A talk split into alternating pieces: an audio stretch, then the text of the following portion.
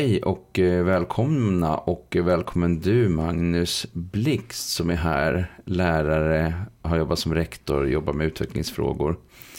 Eh, idag ska vi prata tillgänglig lärmiljö. Ja, tack Ja. så mycket. Mm. Jättespännande. Det har du jobbat en hel del med. Ja, det, det har jag gjort. Både Ja. i alla de rollerna faktiskt. I alla olika roller, ja, precis. Och ehm, eh, du får lite kort här börja med att presentera dig själv och sen ska vi köra in på det här spännande området. Eh, ja, men jag jobbade som lärare i 18 år. Eh, lite facklig, yrkesetiska rådet, lärarnas ansvarsnämnd. Eh, halkade in på en det ena, skrev en bok, en handbok för lärare. Och där hamnade jag lite i föreläsarsvängen. Eh, och då blev jag moderator för en stor lärmiljökonferens. Eh, och där mötte jag Peter Lippman som forskar på det. Eh, för tio år sedan och vi har pratat sedan dess. Så att sen tog jag honom när jag var med och startade en, en skola från början. Så ehm, tog jag med honom och så började vi jobba just med lärmiljön. Den fysiska men även den andra. Och, och sen har vi fortsatt med det. Mm. Och det är det vi ska titta på lite och vända och vri- vrida på det här liksom ganska stora begreppet. Eh, vad skulle du vilja lägga in i det här, eh, hela det här liksom ganska stora begreppet då, tillgänglig lärmiljö? Ja, och då, då är det, jag brukar istället för att prata om, om skola för alla så vill jag gärna prata om skola för var och en. Mm. Hur kan vi göra miljön, och det är en miljö där vi ska lära oss. Hur kan vi göra den så den liksom är anpassad för, för våra olikheter och för det som faktiskt ska göras där. Mm. Så att det är någonting som eh, eh, passar för hela den elevgrupp vi har. Men Mm. inte bara att vi tänker alla som grupp, utan vi måste också se varje enskild individ. Ja, men så. Och, och ha rummet också. Och det andra, förskolan har länge pratat om den tredje pedagogen. Mm. Att det är en del i det vi gör. Och det kan möjliggöra, och det kan utmana och det kan hindra. Mm. Och då ska vi naturligtvis göra så att det så, möjligt, så mycket som möjligt möjliggör. Och då måste vi ibland bli utmanade i våra förgivettaganden. Ibland så delar man upp det här i då det här med den fysiska miljön. Vi kan prata om den pedagogiska miljön. Eh, vi kan prata om det sociala. Liksom. Ja, Om vi börjar liksom i den här fysiska eh, miljön. Vad, vad, vad är de viktigaste komponenterna där tänker du? ja men då, då, då tänker jag framförallt eh, att det finns en variation. Eh, för att, för att det, för 75% av ungarna spelar det ingen roll. Men för de sista 25, och, skollagen säger faktiskt 100% och inte 75%. Nej. så spelar det roll. Och, och eh, hårda stolar har liksom inget med att vi lyssnar bättre. Snarare tvärtom, för en del elever är det inte alls särskilt bra. Eh, och ergonomiskt är det inte särskilt bra heller. Och, och, några av oss, jag var en sån som satt och vickade på stol när jag Ja. gick i skolan. Lärarna la jättemånga timmar på att säga till mig och försöka få mig att sluta vicka på stolen med ganska dålig framgång. Eh, och hade vi ägnat den åt lärande istället hade det varit bra. Liksom. Andra elever behöver inte, eller ska inte vicka på stolen utan kanske sitta mjukt eller ligga på golvet eller eh, lyssnar bäst då, liksom i en fåtölj med höga sidor riktade mot läraren. Så inget stör. Eh, Vi är olika helt enkelt och det, vi behöver hitta det som hjälper. Så eh, du tänker att eh, tänka in olikhet redan i eh, liksom när man beställer möbler till sin skola? Ja, ja men så. Och sen är det ju, det är ju sällan så att man får vara med och beställa möbler. Det, jag har haft chansen nu två gånger, men, men ofta får man ju ta det som finns. Och även med det som finns så kan man göra ganska mycket. Genom att bara placera dem på andra sätt. Ja, men då kan man ha ett, ett runt bord eller en matta istället för att alla måste ha en egen bänk. Så, så ger det andra möjligheter att undervisa på andra sätt. Som, som når fler elever. Just det. Och den vickande stolen? Ja men den vickande stolen, det finns ju alltså sådana här vipppallar idag som är jättebra. Som, som kan vippa utan att det låter och stör någon. Mm. Eller cyklar som man kan ha under, under bordet eh, som inte låter och som, som gör att eleven som måste få utlopp för myrorna i brallan får det utan att behöva gå runt och störa de andra. Ehm, Och Men- det finns ju också, man behöver ju inte ADHD för att det ska vara, när det gäller elever med ADHD har vi ju sett att det finns det forskning som säger att det finns en poäng att röra på så att man till och med lär sig mer då. Ja. Och bättre då. Ja. Men det finns fler som har behov av rörelse. Egentligen säga. har nog alla det. Mm. Den naturliga rörelsen och, och, ofta så, så, eller en, många lärare vill ha bänkar för då slipper de springet i rummet. Mm. Och samtidigt vet vi ju, alltså förr då ställdes ju eleverna upp när man hade ett svar och då fick man lite naturlig rörelse då och då. Nu ska de sitta ner hela tiden och, och, och det, vi är inte gjorda för att sitta ner. Mm. Eh, sådär länge liksom. Eh, utan, utan kan vi skapa naturlig rörelse utan att det blir rörigt? Eh, och kan vi skapa fokus på andra sätt? Eh, jag brukar säga om, om vi ska gå och fika sen eh, och vi får välja var vi sätter oss i fiket. Hand upp vilka som sitter mitt i fiket med någon bakom ryggen om de får välja. Mm, ja, det är ingen som gör. Pinstol. Ja, men det är som, ingen, är hård. Ja, som är hård. Det är ingen som gör. Men vi sätter elever så, i synnerhet med ADHD och undrar varför det går dåligt. Mm.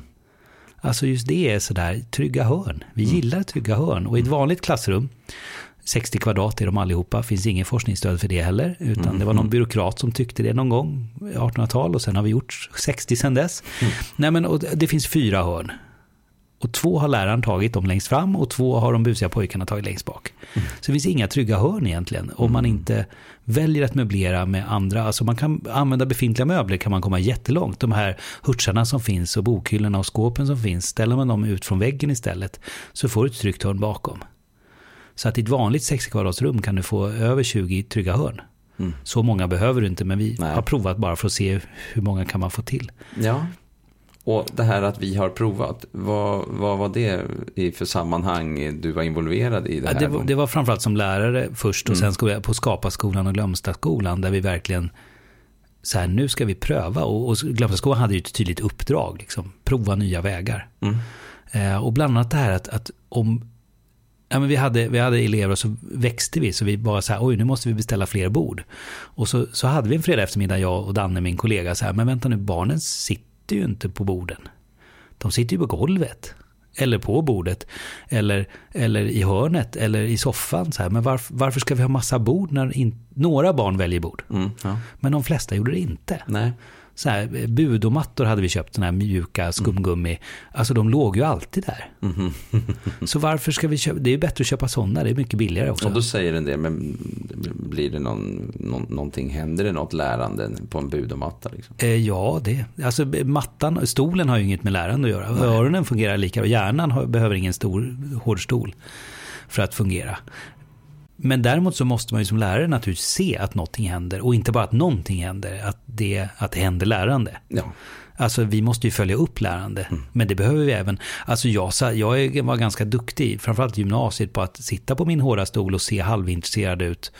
Eh, så att inte jag fick för mycket frågor och, och, sitta och... Jag hade dator ganska tidigt och satt ju och spelade Minecraft. Eller eh, inte Minecraft, för det fanns inte. War, War, eh, alltså, World, of Warcraft. World of Warcraft i smyg och såg halvintresserad ut. Alltså, mm. Så jag såg ju väldigt intresserad ut, men jag fick ju inte rätt saker gjorda. Mm. Däremot så fick jag ju ändå jobbet gjort, så att, så att uppenbart så lärde jag mig ändå. Mm. Men, men det måste man ju som lärare ständigt följa upp. Ja, Men det, det, spelar ingen roll om du har bänkar och stolar. Alltså mm. det är lätt att mäta att det är lugnt i ett klassrum.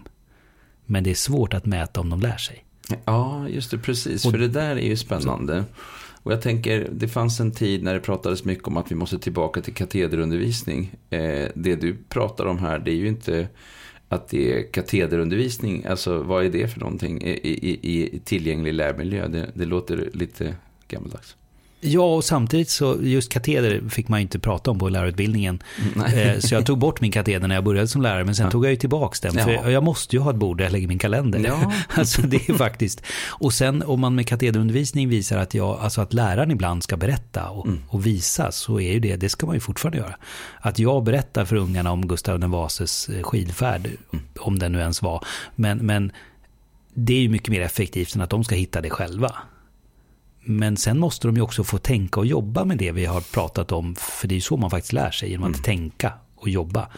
Eh, och då är det inte lika säkert att, att det måste göras på samma sätt. I synnerhet när vi jobbar med digitala verktyg. Mm. Då är ju en, en stol och en bänk ganska... Det är ju jättebra för kiropraktorn som får mycket att göra. Mm.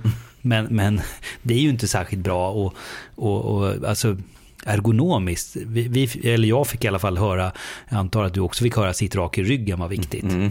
Men, men det säger man ju inte naprapaterna idag, utan de säger ju variera. Variera säger Variera säger ja. Eh, och, och, jag har inte skrivit mina böcker sittandes vid en, bänk, eh, vid en stol vid ett bord hela tiden. För det går liksom inte. Nej, men det, och jag, det har jag också ställt frågor på en mm. del konferenser. Så här, vi som jobbar hemma. Nu har ju många jobbat hemma, men mm. redan innan på den tiden, när inte alla gjorde det, så här, vi som jobbar hemma, det är hyggligt många mm. redan innan pandemin. Så här, hand upp alla som sitter vid köksbordet på köksstolen. Så här. Mm. Och det är ju några som gör det. Mm. Men de flesta har ju inte gjort det. Jag tycker soffan är ganska bra faktiskt. Även soffan, eh, ståbord har jag skaffat nu ståbord när man har jobbat super. mycket. Det är fantastiskt. Mm. Men jag kan ju inte stå en hel dag. Jag måste sitta i soffan ibland och så tar jag de möten jag kan ute på promenad. För det är ju mm. ännu bättre. Och variationen där är ju... Och det kan vi ju bygga även i skolan. Ja, för då kommer vi till en annan fråga, nämligen eh, av de här tre då. Eh, mm. Vi var inne på det fysiska, nu landar vi liksom i det pedagogiska. Vad krävs liksom av den enskilde läraren och av lärarkollektivet? Alltså hur kan man tänka på en skola när man också mm. som, alltså lärare är ju olika precis som alla andra. Ja, och det, det är ju den stora utmaningen skulle jag säga, att tänka om. Eh, för det behöver vi vara beredda att göra ibland. Och, och vi behöver lära och träna eleverna hur man beter sig. För att har vi bänkade rader, då vet alla exakt förvänt vad som förväntas av dem. Mm. Sen klarar inte alla elever det, men det är en annan sak. Men de mm. vet åtminstone vad som förväntas. Och man, vad som förväntas av läraren. Men om vi gör lite mer variationsrik, och jag pratar inte om att kasta ut allt, men gör en variation ändå. Då måste vi lära och träna eleverna. Hur ska vi bete oss här? Mm. Eh, och jag som lärare måste ändra mitt beteende. För om jag bara vill stå där framme eh, och hålla uppsikt eller domdera klassrummet. Ja, då, om jag då gör en mer variationsrik, det kommer kanske inte gå så bra. Men om jag är beredd att faktiskt röra på mig, gå runt, se hur det går, se vad de faktiskt gör. Då kan det bli jättebra. Nej, men att ha några sådana här skärmar som, alltså kontorsskärmar som gör att nu ska du jobba fokuserat, varsågod du behöver den här skärmen eller vrida bänken så den är, riktad in mot väggen så det inte är något som stör dig om du nu är lätt distraherad. Det är ju jättebra men jag som lärare måste gå runt och se då vad som händer. Jag tänker att det är lite intressant. Jag, jag tror att vi, vi, får väl hoppa lite här mellan, mellan det fysiska och pedagogiska. Men eh, ett tag så mm. Eh, slängdes rätt mycket gamla bänkar ut mm. ur klassrummen i Sverige. Eh, sen hörde jag att eh, det fanns en del som började köpa tillbaka de där mm. bänkarna. Yep. Eh, och sen tänker jag på det här med placering. Mm. Ehm, jag kom mitt in i lite olika klassrum genom årens lopp och det mm. har eh, kunnat vara raka rader, mm. det har kunnat stå grupper mm. med liksom bord eller man sitter vid bord eller om man har bänkar så kanske man sätter upp fyra bänkar så att man sitter och tittar på varandra. Eh, U-formationen, alltså det finns många olika varianter liksom. Eh, och det här eh, eh, bidrar ju, eller vad ska man säga, leder ju till att, alltså det, det, handlar om hur man vill undervisa ju också. Ja. Så att det är någonting där. Och där ser det också lite olika ut i olika klassrum. Mm. Mm. Ja, men och det, är väl, och det är väl den jag önskar att man kunde komma ifrån och säga att det här är den rätta möbleringen. Mm. Därför att det är snarare så att du vinner vissa saker och du förlorar andra. Mm. Ska du ha tyst eget arbete i matteboken, då är ju enskilda bänkar i rader bäst. Mm. Ska du ha dialog, då är det en ganska dålig möblering. Ja. För det blir inte alla, alla kommer inte till tals. Nej. Det vet vi att de inte gör. Då är ju formen bättre. Mm. Men då blir det lite pratigare. Ja. Grupp, eh, och grupparbetsformen, den är jättebra om man ska jobba i grupp. Men, men några elever, om du har mycket genomgångar vid tavlan, då kommer några elever sitta lite avigt till. Mm. Och det är ju inget bra. Mm. Så att det beror på vilken undervisning du ska ha och, och, just att man kanske ändå kan ha en variation i rummet. Men ha, sen är ju en hake att, att de flesta rum, 60 kvadrat, är ju gjorda för 25 elever, men nu är de 32 istället. Mm. Och då har det sju bänkar till. Mm. Då är det jättetrångt, vilket gör att elever som är lite yviga lätt stöter till andra när de är på väg någonstans. Eh, och dessutom jag som lärare kan inte ingripa för det är möbler överallt. Mm, ja.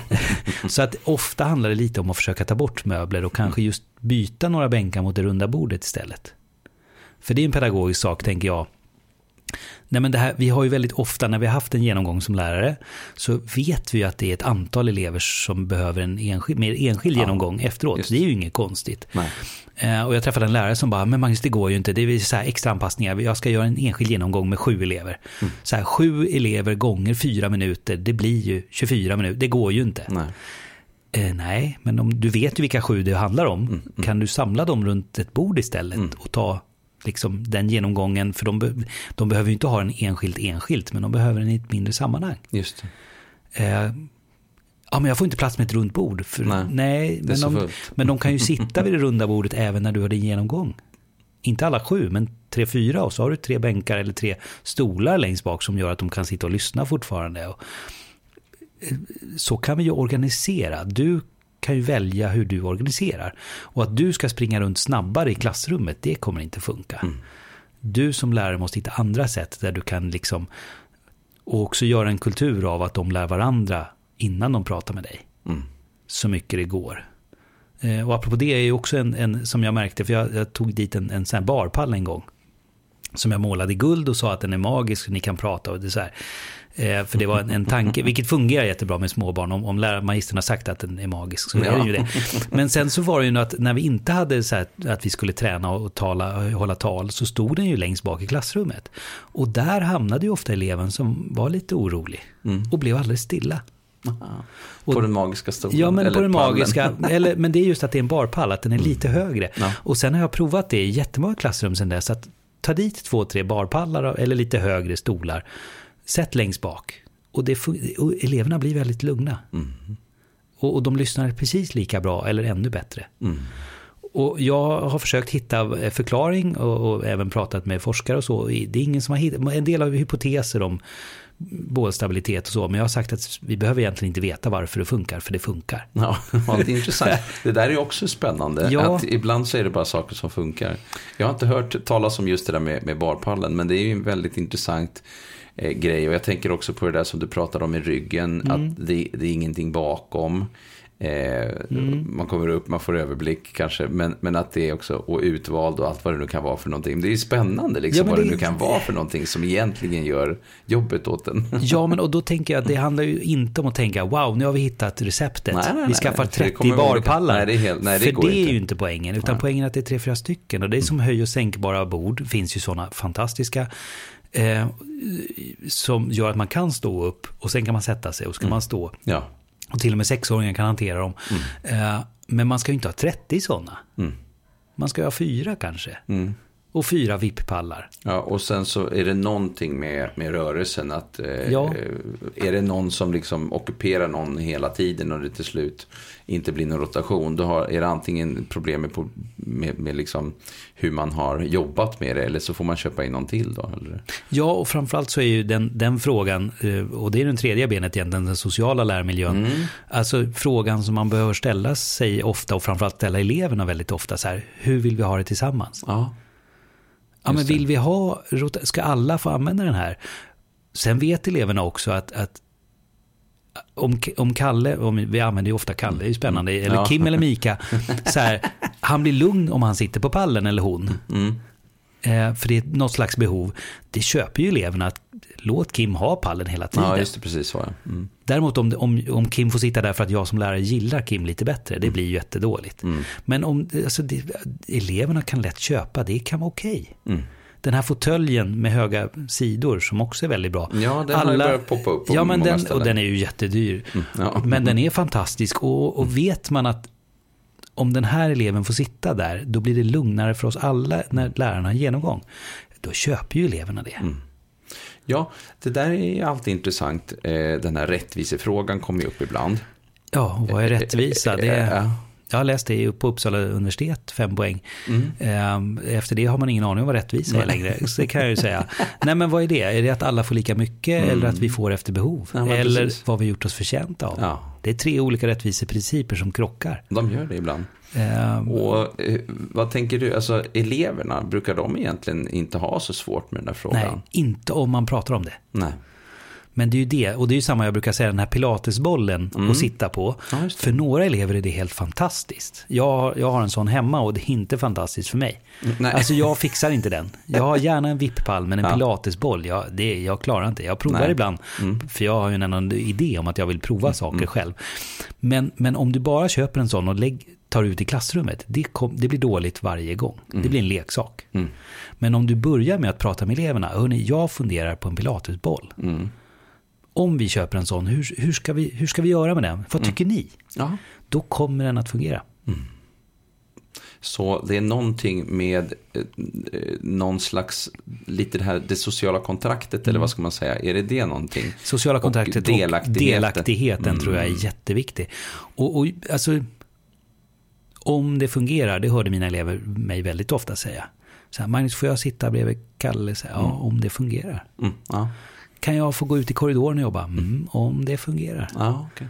Eh, och då, måste, då blir det liksom, men jag måste ju också följa upp. Ja, Funkade just det. det. här? Mm, ja. Och när det inte gjorde det, då fick man ju, men vi pratade ju om det här. Vad, vad, vad betydde fungerar till att börja med, måste vi vara överens om. Och, och hur ska vi göra nästa gång? Och hur ska vi få det att funka?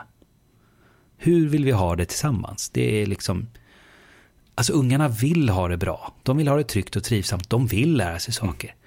Om vi utgår från det så, och, och också en sak som jag ofta säger, så att om vi tror att de kan, då får vi ofta rätt. Mm. Om vi tror att de inte kan, då får vi alltid rätt. Mm. För då låter de inte ens försöka. Nej, just det. Och då kan de inte. Inlärd hjälplöshet, det är livsfarligt. Ja, det är verkligen. Ehm, Så att det handlar om att ta naturligtvis steg och lära och träna. Men, men, ja, men fasta platser, det är en organisation också som man kan prata om. Det har jag pratat om, jag har det i min bok. Jag har pratat om det i 15 år, att det ska vara fasta platser i klassrum som lärarna bestämt. Och sen prövade vi på Skapa-skolan via min kollega som sa att kan vi inte pröva att utmana det?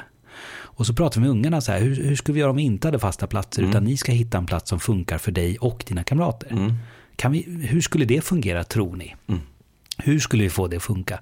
Jättespännande diskussioner. Eh, och det, jag fick ju se mig besegrad, det funkar ju. Om man lär och tränar eleverna. Och sen funkar det ju inte alltid. Hela Nej. tiden. Och då måste ju jag som lärare fortfarande vara ledaren och säga nej David, du får inte sitta där. Därför att det funkar inte. Därför att det funkar inte. Därför att, och just därför att det är väldigt bra överhuvudtaget. Eh, men Jag imorgon att kan man vi får göra ett nytt svar försök. på varför-frågan. Ja, men varför? Och, och det har jag överhuvudtaget, jag pratade om, jag hade ett seminarium i fredags om det här med möbler. Jag vill ha det här därför att. Jag vill ha en pilatesboll. Det är inget argument. Nej. Jag vill ha en pilatesboll därför att jag tror att. Jag behöver en vippall därför att jag mår bra av det. Eh, Vi skulle behöva överhuvudtaget i skolan kanske behöva säga mer därför att. Inte bara vi behöver en assistent. Nej. Jag behöver en assistent därför att. För då kan vi gräva i vad är det egentliga behovet. Just det. Och Eh, behov tror jag är viktigt. Det är varför vi kommer tillbaka till den här frågan om att vi behöver liksom besvara den frågan. Mm. Vi måste helt enkelt förstå poängen med varför vi ska ha vissa saker eller göra Mm. vissa saker. Och förstår eleverna det så köper de ju ofta. Mm. Ja, för det du beskriver nu är ju... eh, du beskriver ju någonting där man involverar eleverna väldigt mycket i en dialog kring Mm. det egna lärandet, den egna miljön, det här hur vi har det tillsammans. Ja. Eh, Så. Eh, Tänker du att det här är någonting som eh, man skulle behöva eh, egentligen jobba mer med, så att säga, i, i det är många som gör det, men, men skulle det behöva jobbas mer på det Ja. sättet i skolsverige? Eller? Ja, men det tror jag. Alltså det, det är ju, tyvärr har vi, ju, har vi ju ibland missförstått att delaktighet handlar om att ha ett klassråd en gång i veckan. Mm, ja, det räcker ju Eh, nej, men det, det är ju en bra början, eller det, det har en annan funktion, så ska vi säga. ja. Men delaktighet handlar om något helt annat, att just få vara med i den. Och här finns det ju färsk forskningsstöd, om man nu inte skulle tro på det. Alltså Skolforskningsinstitutets eh, sammanställning om, om studiero och arbetsro i klassrummet är ju jättetydlig.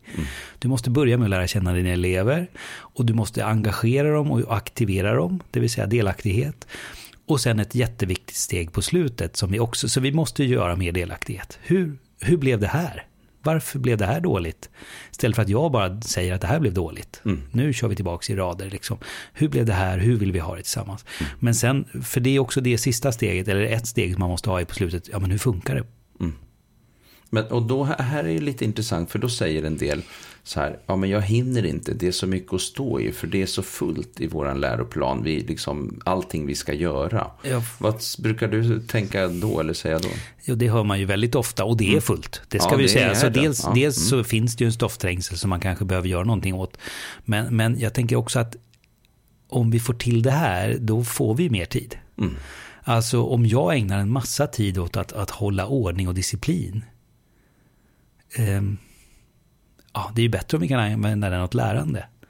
Klart. Om, om jag liksom ska ägna massa tid åt det och sen måste jag ändå göra extra anpassningar eller särskilda anpassningar för Kim och Lisa och Mika och Stina. Mm. Då är det ju bättre att göra, göra, jobba med en tillgänglighet i grunden som gör att de redan från början kan funka. Mm. Så att, ja men det är som exemplet med de här sju eleverna som behöver en genomgång. Liksom. Gör det i grunden, att det är, det är naturligt att det är så det funkar. Skapa en kultur där det är okej. Okay och där man hjälper varandra. Därför att vi vet ju också att elever som, som lär andra elever, de lär sig jättemycket själva. Mm. Det vet ju jag som lärare, när jag lär ut något, det är ju då jag fattar det själv på riktigt. Och det är ju samma för elever, om de behöver, behöver men om de hjälper kompisar i lagom liksom, så hjälper ju det dem. Just. Just. Så att, så att jag, jag vill nog, alltså vi, vi kan ju inte fortsätta göra som vi brukar och förvänta oss ett nytt resultat. Nej, och här är lite intressant. Jag menar, samhället har ju förändrats under den tid som vi har haft mm. obligatorisk skola, kan man ju mm. lugnt säga. Ja. Eh, och eh, vi har ju också rört oss ifrån ett samhälle som var extremt patriarkalt och mm. lydnadsorienterat, mm. om man skulle vilja så, till ett samhälle där vi vill att eh, barnen ska liksom eh, ja, kunna ta egna beslut, mm. vara ansvarstagande och mm. alltihopa. Eh, det som du beskriver i själva processen handlar ju om att röra sig i en riktning där vi liksom ser eh, individerna och, att de här barnen inte mm. bara ska bli liksom... Ja, men också att vi mm. lär och tränar dem i det. Ja, Alltså det är ju det, det, för att det var väl det som gjordes en del misstag innan, när man bara så här Rousseau, låt gå. Nej. Det fungerar ju jättedåligt. Ingen, 20, ingen struktur. Nej, men Färgla 2000 fungerade jättedåligt. Mm. Öppen planlösning, inget ledarskap. Det är klart att det gick dåligt. Alltså, vi måste ju lära och träna eleverna. Men det gjorde vi, vi testade på Glömsta verkligen med våra sexåringar. Så här, vi, nu ska vi köra från början med dem. Du ska hitta en plats som fungerar för dig och dina kamrater. Sexåringar. Mm. Det gick inte alls i augusti. Nej. Men i oktober. Aha, spännande. För då hade de lärt känna varandra, det hade gått ja, och de hade tid, lärt sig, och de hade tränat och de hade ju testat och så mm. hade de satt sig och, och, eleven som hade väldigt mycket rörelsebehov eh, hade liksom suttit och stört de andra och då hade vi pratat med honom på ett, på ett relativt vuxet sätt, för det kan man och, och tror man att de kan så kan de. Så här, det här går ju inte därför att du stör ju alla runt omkring. Men hur kan du, kan du sätta dig på andra sidan soffan kanske? Och de andra som blir störda av dig, kan, så pratar vi med dem, kan ni sitta liksom, så ni inte ser längre? Vad händer då? Så här, mm. Ska vi testa? Vi provar. Mm. Efter lunch så provar ja. vi det. Mm. Så att de hade liksom själva internaliserat vad det betydde. Det är ju väldigt spännande, eh, tänker jag, när man, när man liksom eh, eh, utgår ifrån att barnen har också, kan ha idéer mm. och man involverar dem i processen. Mm. Jag tänker Ross Greens CPS-modell, den här Collaborative mm. Proactive Solutions, där man ändå liksom har ett fokus på att man ska liksom involvera barnen i mm. problemlösning. Mm. Jag tänker att du, du jobbar lite på det sättet. Eh, ja, I någon bemärkelse. Mm. Alltså jag menar att involvera mm. barnen i, i liksom, här har vi ett problem, hur ska vi mm. lösa det här? Liksom. Ja, för det, Även det, om du inte kallar det CPS-modellen så, så är det ju i praktiken grundtanken är densamma. Liksom. Barnet ja. har också eh, ett, alltså, kan involveras i processen. Mm. Ja, men och just, just elever som behöver röra på sig, mm. de finns ganska många. Ja. Och då kan man säga, vad är problemet? Är, är, eller vad, vad, är det jag vill? Vill mm. jag att de ska vara still eller vill jag att de inte ska störa de andra? Vad är det jag mm. vill? Och vill jag att de ska vara still så går ju det att lösa. Det sa jag redan på lärarhögskolan, det är ju bara att få en, en rulle silvertejp så de både still och tysta. eh, men det blir ju inget bra liksom. Nej, men, men kan vi få dem att fortsätta röra sig utan att störa de andra? Just ja, det, kan vi. Mm. Om vi har en mer flexibel möblering. Och om, om jag då testar om de fortfarande hör vad jag säger fast de sitter och, och mm. snurrar på golvet. Eller på en pall längst bak. Eller på en pall längst bak. Mm. Eller jag köpte en sån här vippbräda också, sån här balansbräda heter det, mm. tror jag, som är på gym eller något. Eh, billigt liksom, Clas Ohlson sådär. Alltså, en elev som hade haft väldigt svårt att koncentrera sig innan, hon var helt still i liksom en halvtimmes lektion. Mm. Liksom.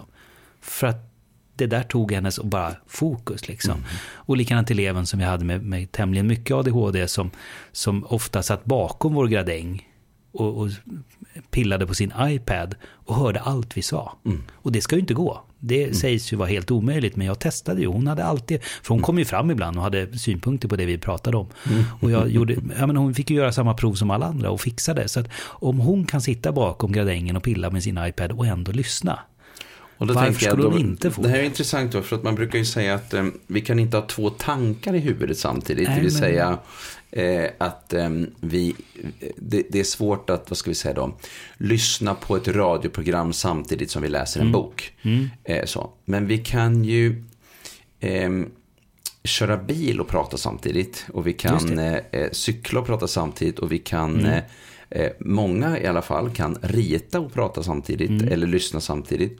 Så att det beror ju på vad vi gör, vad vi gör tänker ja, jag. Eh, för då betyder det att det är ju inte problemlösning kanske som det här barnet sitter och tänker intensivt Nej, på. Utan är det spel eller mm. det är liksom, många fixar ju det precis på mm. samma sätt som om man sitter och kör bil samtidigt som man mm. lyssnar eller pratar med varandra. Just det.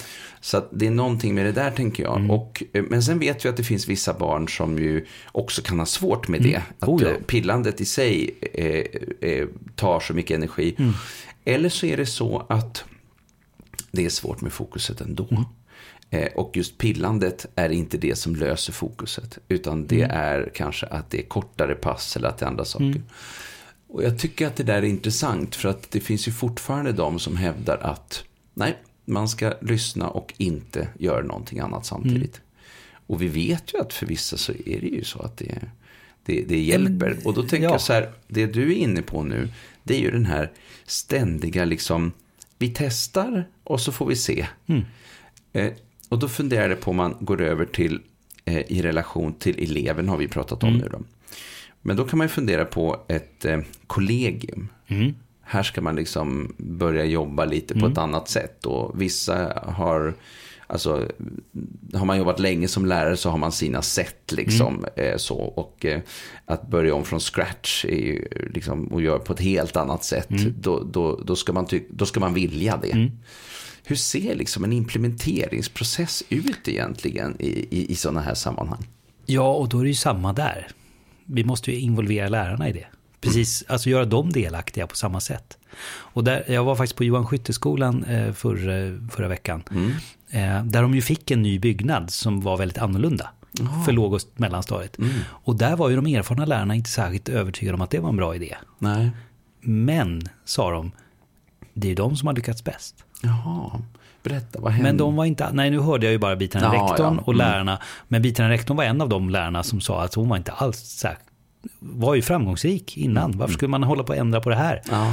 Men, men hon blev ju övertygad att det här blev ju ännu bättre. Mm. För de nådde de här sista eleverna också. Mm. Och de var ju skickliga ledare i klassrummet och, och kunde sin pedagogik. Och, och de kunde liksom, om, för de har ett annat, ett helt annat klassrum, ett mycket större rum. Men med fler elever. Ah. Med mm. variation. De har liksom lite kontorsbås, lite sådana här gradänger. Lite... Ja, de har en varierande. De har en varierande Stockholms mm. stads konceptskola. Liksom. Mm. Eh, och de hade fått väldigt bra resultat när de hade liksom tänkt att ja, men nu får vi väl använda det här. Det är det här vi har. Mm.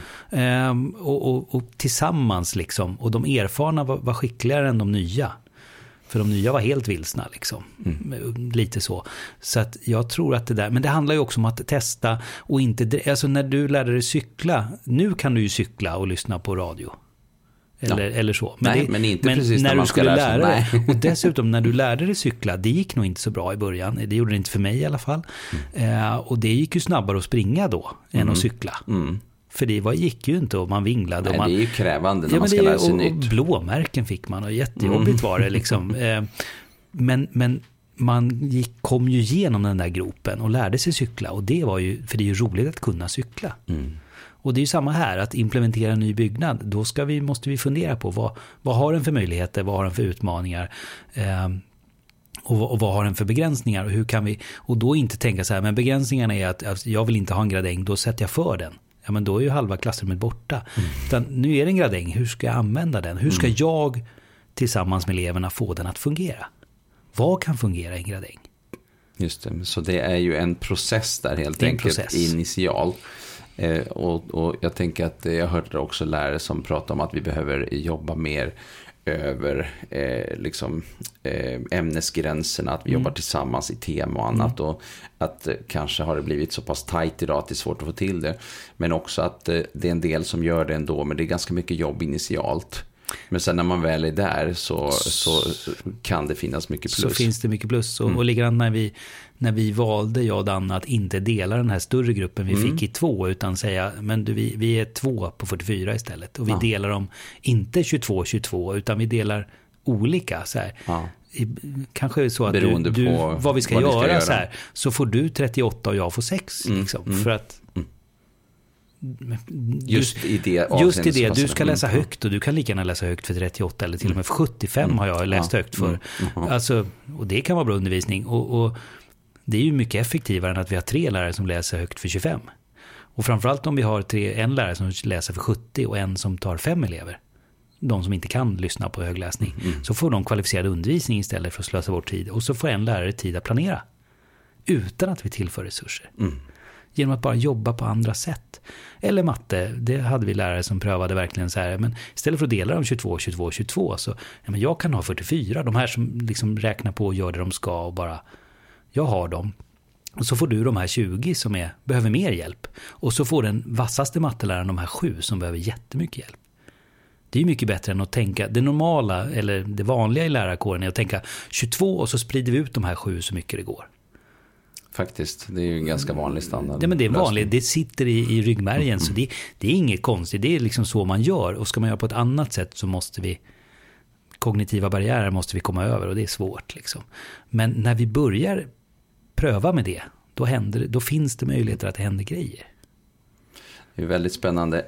Jag tänkte på ett begrepp som eh, jag vet att du har också varit involverad och, och tänka en del kring. Och det är begreppet universell design. Mm. Eh, berätta lite om det. Vad är liksom huvudpoängen med det här med universell Ja, men just universell design, mm. eh, eller för lär, alltså så, att just tänka lärmiljön redan från start. Inte så här märka att David behöver sitta och vicka. Utan tänka att i en vanlig klass kommer det vara några som vill sitta och vicka. Några måste ha mer avskilt.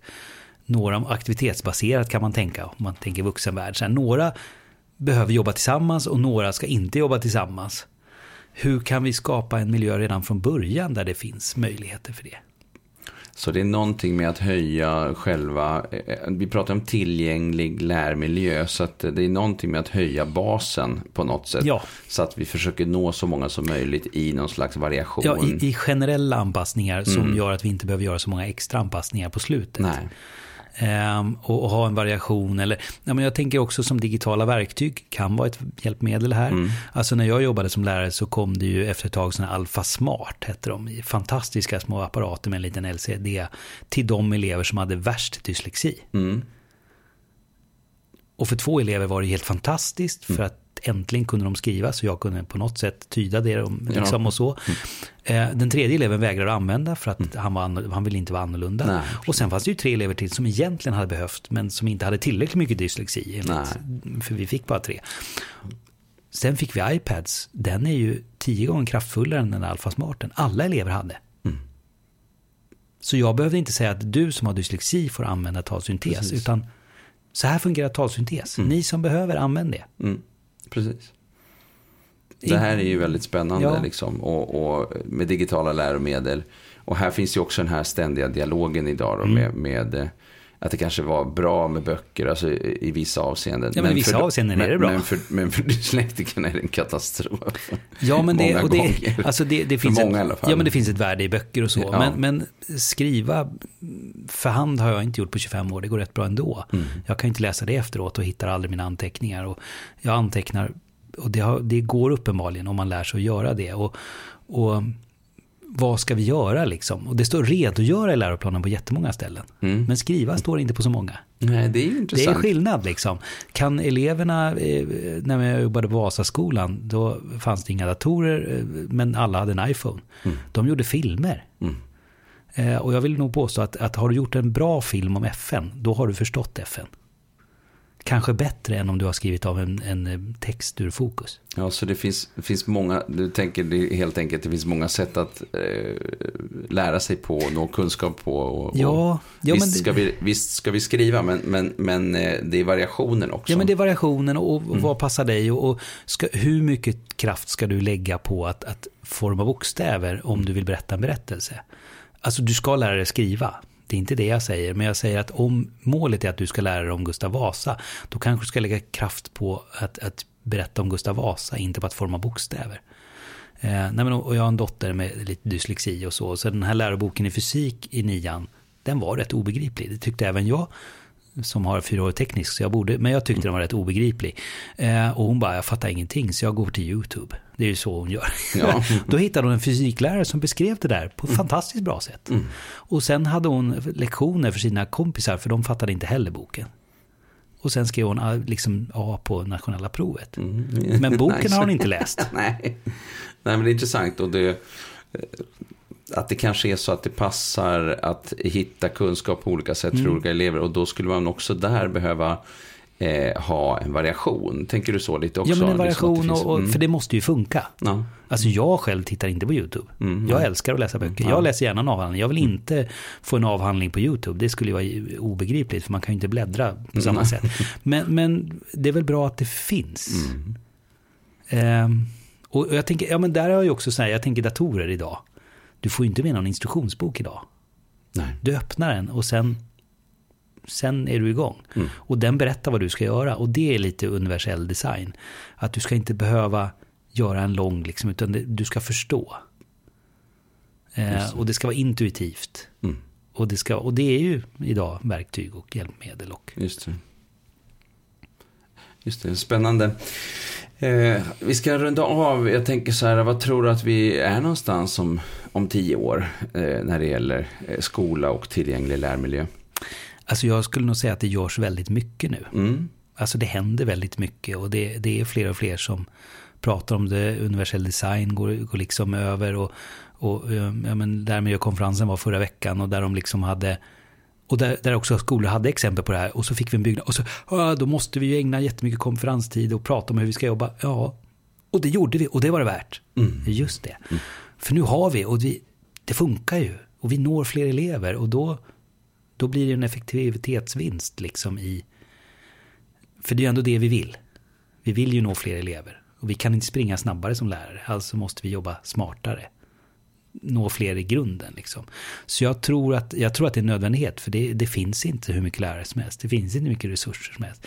Vi kommer inte få större klassrum. Och, och vi måste ju pröva saker för att fortsätta som vanligt. Det är ju, jag tror att det är åtta skolor av 4 000 som når skollagens krav att alla blir godkända till gymnasiet.